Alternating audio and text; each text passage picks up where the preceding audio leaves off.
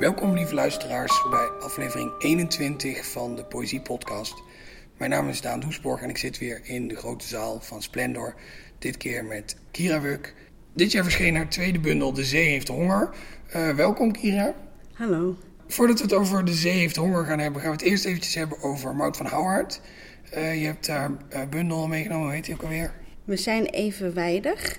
Die bundel, tweede bundel. Haar tweede bundel is het. Oké, en die, die heeft een soort apart concept, maar daar kun je het misschien straks over, over hebben. Of wil je eerst uitleggen wat, er precies, wat je precies gaat doen? Nou, haar bundel is eigenlijk één lang verhaal.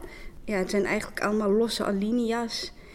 En het speelt zich eigenlijk voornamelijk af in, in de stad. Ja, dingen die Mout dan onderweg tegenkomt. En ja, en jij hebt een soort selectie alinea's gemaakt uh, die je mooi achter elkaar vond passen en die ga je voorlezen. Ja. Oké. Okay.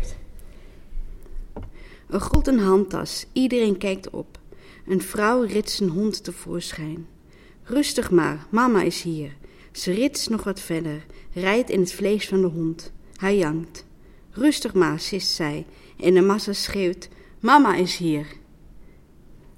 Op de schoot van de wenende vrouw ligt een grote klomp deeg. Ze begint te kneden. Dat doe ik altijd als alles dreigt uiteen te vallen. Hoe meer je kneedt, hoe beter het kleeft. Nog voor ze haar romp over de klomp heen kan buigen, graaien vreemde handen naar het deeg. Beringde handen, klamme kinderhanden, gerimpelde handen, ook de handen van een Chinees. Hij kneedt niet, hij pulkt. Een vrouw kletst hem vlak in het gezicht. Ik heb geen rimpels, het zijn de kneepjes die het leven mij gaf. De vrouw naast mij weent niet meer. Het deeg op haar schoot staat in pieken. Ik verlies haar in de massa, de metromassa, die zoals de zee pas breekt aan het oppervlak, pas breekt en schuimt boven gronds. Ik zie een man met een baard. Ik vraag: Ben je islamitisch? Nee, zegt hij. Ik ben verdrietig.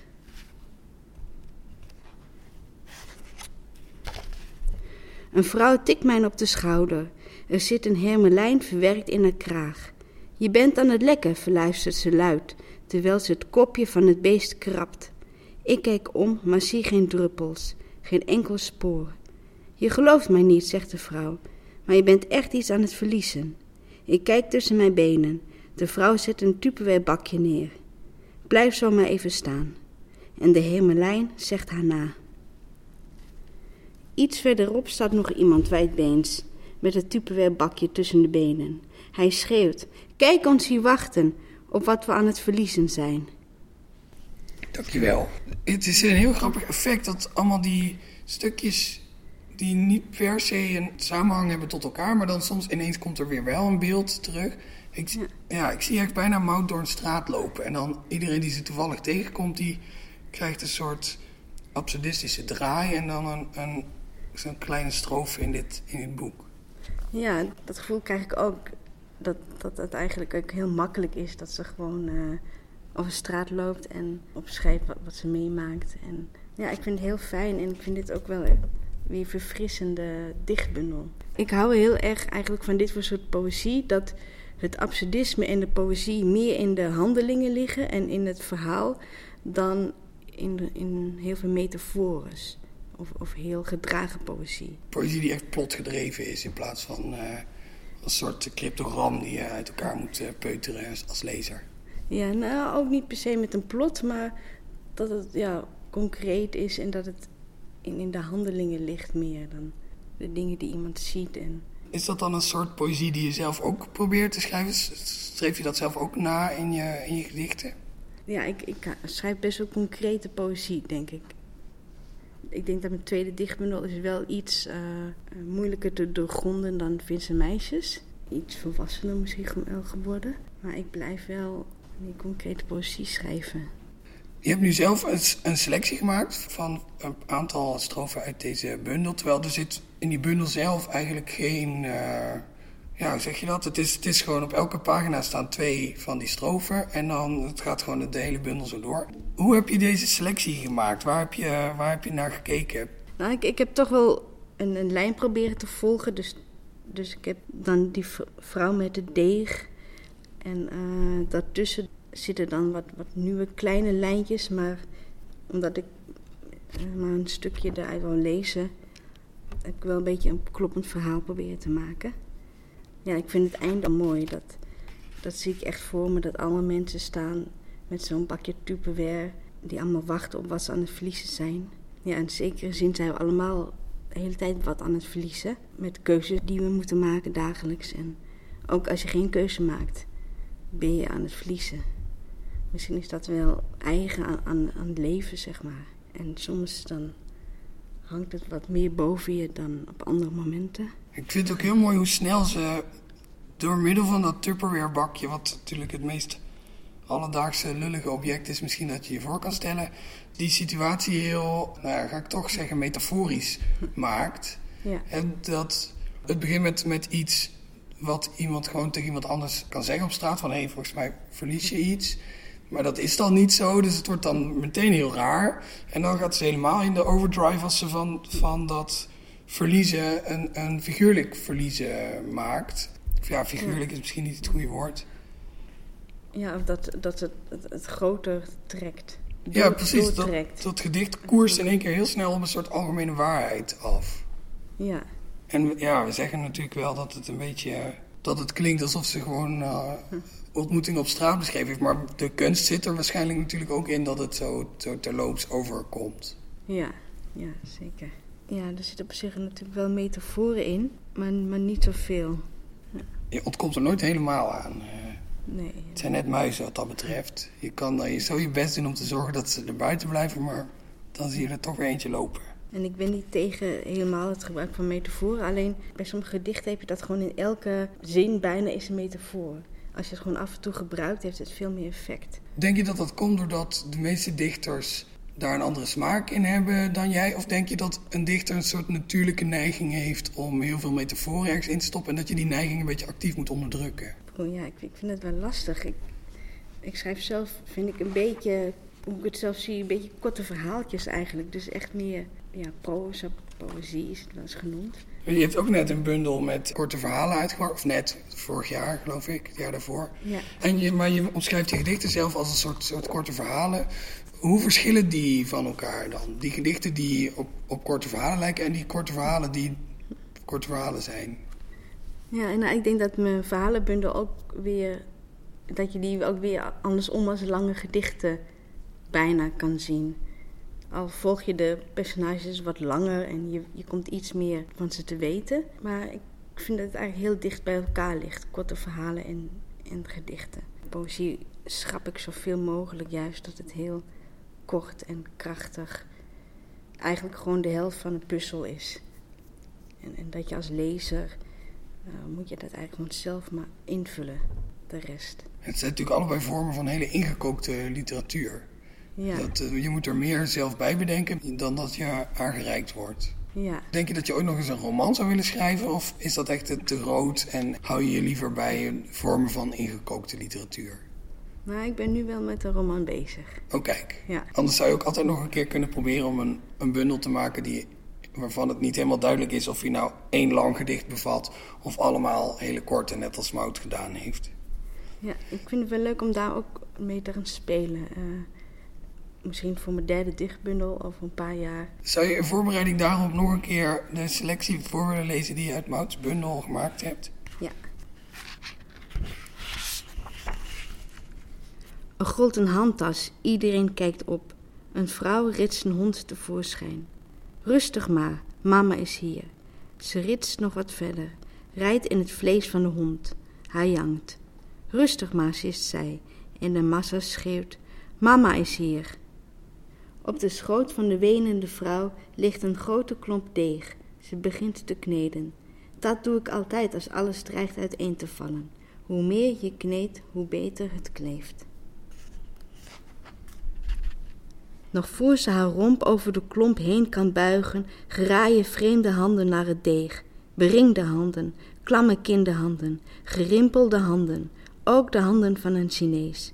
Hij kneedt niet, hij pulkt. De vrouw kletst hem vlak in het gezicht. Ik heb geen rimpels, het zijn de kneepjes die het leven mij gaf. De vrouw naast mij weent niet meer. Het deeg op haar schoot staat in pieken.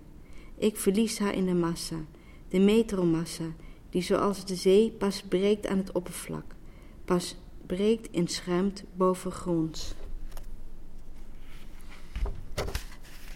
Ik zie een man met een baard. Ik vraag: Ben je islamitisch? Nee, zegt hij. Ik ben verdrietig.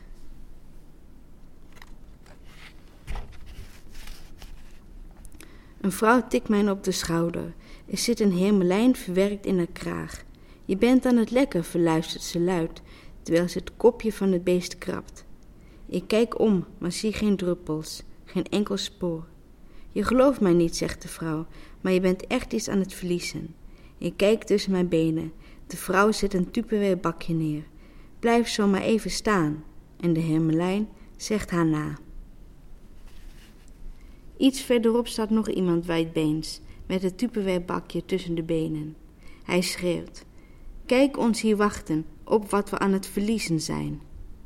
Dankjewel. Het is bijna een buitenaards toeval, maar zowel Mout als jij hebben een gedicht over pratende bondkragen. En zodoende heb je dat gedicht ook uit je, uit je laatste bundel gekozen om hier te lezen. Ja. Hou ons niet langer in spanning. Vachtdieren. Dieren verplaatsen zich in jassen door de stad. Soms groeten ze elkaar als oude bekenden, die niet weten wat ze met zichzelf aan moeten. Ik mag niet klagen, zegt het konijn tegen de wasbeer. En moe word ik ook niet. Terwijl de dood aan me hangt, hou ik de moed erin. En wandel van liquidatieplaats naar liquidatieplaats. Van achter de tv zie ik hoe iemand een geweer op de cameraman richt. Blijf kijken tot het laatste licht uit de kamer verdwenen is. Ontdek een spootje bloed dat langs mijn nek uit de vacht druipt. Dankjewel. Ik noem het net een buitenaards toeval, maar is het echt een buitenaards toeval of was je een beetje door Mout geïnspireerd uh, toen je dit gedicht schreef? Nou, eerlijk gezegd weet ik het niet meer. Dit was eigenlijk een van de eerste gedichten die ik voor uh, Bunne had geschreven. Dus ook wel echt al vier jaar geleden of zo. Nee, volgens mij had ik die van Mout later uh, gekocht. Nou, wat ik eigenlijk met dit gedicht probeer te doen, is een soort vierde wand te doorbreken. Eigenlijk op twee verschillende manieren. De eerste is dat je hebt, je hebt al die dieren in, in die jassen, bondkragen. En ik vond het wel mooi om daar dan echt weer terug te gaan naar de oorsprong. Dat, het blijven gewoon wel echt dieren die mensen dragen. En de ik, die, die ziet dan iets gebeuren op, in het journaal. Dat kan een, een oorlog zijn. En dat vind ik het wel mooi dat die persoon die dat ziet ook echt bloed ineens, een, een druppel bloed ziet. Dus dat het gewoon ook al is die afstand er, dat het gewoon binnenkomt. En is dat iets wat je in die bundel vaker probeert te doen, de vierde wand uh, doorbreken? Nou, een beetje wel. Eigenlijk wou ik met deze bundel een beetje 2 voor 12 gevoel creëren. Het, het, zit er misschien heel subtiel in en ik denk dat je dat niet heel snel leest. Maar ik heb me wel laten beïnvloeden, denk ik, door het nieuws en, en de vluchtelingen en klimaatverandering. Zo'n soort onrust had ik wel last van afgelopen jaren. En dat heb ik me wel door laten inspireren. Of, ja, dat klinkt weer zo raar, maar dat gevoel heb ik wel gebruikt voor het schrijven van deze bundel. Ik dacht eerst dat je 2 voor 12 de quiz bedoelde, maar ik snap nu dat je bedoelt 2 voor 12 op de Doomsday Clock, de naderende ondergang van de wereld. Soms vergeet je dat het er is, maar het is er toch. dan, dat is natuurlijk ook wel bij uitstek een soort gevoel dat ook in je leven iets is dat overal doorheen schemert. En, en uh, zelfs in poëzie ineens naar de oppervlakte breekt. Het, het, is een gevoel dat zich heel erg opdringt. Ja. Dus het is dan ook wel een mooie vorm om niet gewoon activistische poëzie te schrijven over de wereld gaat naar de kloten en we moeten er iets aan doen, maar om gewoon, ik maak, teken nu aanhalingstekens in de lucht, gewoon poëzie te schrijven. Waarin dat steeds als een soort achtergrondgeluid, dat, dat heel hinderlijk en dreigend is, naar de oppervlakte breekt. Ja, van de week zag ik ineens op, uh, op metrostation bij Amsterdam Centraal een, uh, een ruzie tussen mensen. En ik, ik ging erbij in de buurt staan en het bleek dat één vrouw was allemaal meisjes aan het uitschelden die bondkragen om hadden. En ze ging daarna iedereen op het station af. En ik liep een beetje achter die vrouw aan, want ik vond het wel fascinerend hoe ze dat deed en dat aanpakte. Aan de ene kant had ik ook wel bewondering voor haar, dat ze dat gewoon zo durfde uit te spreken naar die mensen. Maar ik denk niet dat het helpt om dat zo agressief te doen. Jij doet het liever door middel van dit gedicht. Ja, ja. Een zachtere revolutie. Ja. Ik vind dat ook een heel interessant dilemma altijd. Dat ook bijvoorbeeld mensen aanspreken die vuilnis op straat gooien.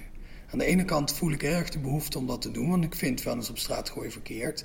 Aan de andere kant weten die mensen zelf ook heus wel dat vuilnis op straat gooien verkeerd is. En kan ik me gewoon niet voorstellen dat je iemand daarop aanspreekt en dat diegene dan reageert met: Goh, ja, eigenlijk heb je wel gelijk, het spijt me, ik zal het opruimen. Dat gebeurt natuurlijk nooit. Nee. Je maakt mensen alleen maar, alleen maar boos ermee en dan bereik je weer, weer niks. Ja. Dus dan is het misschien inderdaad een betere methode om er een gedicht over te schrijven. ja, en is ook veiliger. Ja, klopt. Ik ben een beetje laf wat dat betreft, denk ik. Ja, ik doe het liever op deze manier. Maar je doet het wel. Kijk, je kan er ook voor kiezen om helemaal geen poëzie te schrijven waar een activistische boodschap in verborgen zit.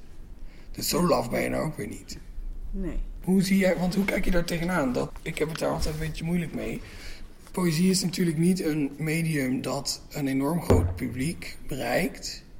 Om dan toch een boodschap aan je poëzie mee te geven. Hoe kijk je daar tegenaan? Ik denk wat ik eigenlijk vooral met mijn poëzie wil vertellen. Misschien wil ik wel een soort van staat aangeven van hoe je leven kan zien, hoe, hoe het nu is. Dus ook in te zoomen op eh, situaties, mensen en hoe mensen leven naast elkaar.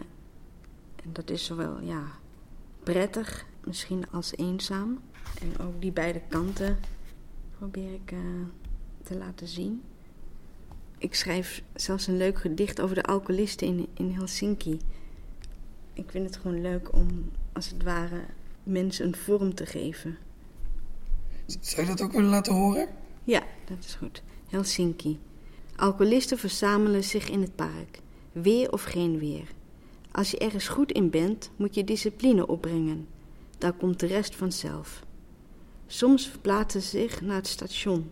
Onder de gele verlichting van de kiosk zien ze reizigers die zo hard proberen ergens anders te zijn dat ze onmogelijk hier kunnen bestaan. Ja, dat zegt dus eigenlijk ook over, over al die vluchtige mensen die op een mobiel kijkend zich continu aan het verplaatsen zijn.